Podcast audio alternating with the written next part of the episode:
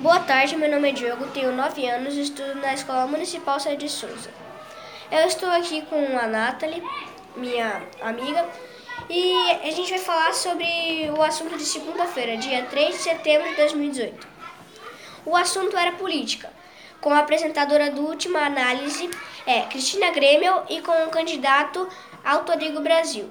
Bom, eu vou falar um pouco sobre o candidato Autorigo Brasil. Ele fez várias promessas para a nossa turma, na verdade para a nossa escola inteira.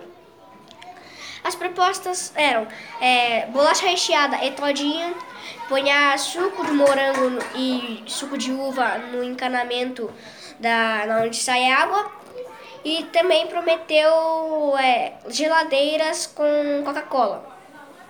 Bom, eu acho um absurdo todas as, quase todas as propostas. Porque da onde ele ia tirar o dinheiro? Da, da, da onde ele ia tirar o dinheiro? Ele falou que até aumentar os impostos. Então eu acho que isso não foi o certo. Bom, agora eu vou passar a minha palavra para a Nathalie. Obrigada, Diogo. Eu vou falar sobre a apresentadora Cristina Grêmio, certo?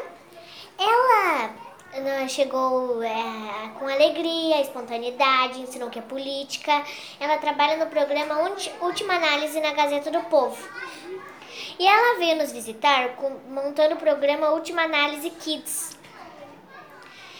E ela ensinou que é política pra gente. Ela corrigiu erro, erros de Autorigo Brasil, nosso candidato, que ele não fez, fez várias propostas, certo? Que ele não cumpriu isso eu não gostei. E ela, ela mostrou assim é, o que é política em uma palavra só, representação. Muito bem falado por ela que é, alguns erros dele estavam to totalmente errados, que ele ia pegar dinheiro do povo, aumentar um pouco os impostos. É um absurdo isso. E essa é a minha opinião sobre o último programa da Análise Kids. Agora vou passar a palavra de novo ao meu colega Diogo. Bom, encerramos o programa aqui. Obrigado pela sua atenção e tchau!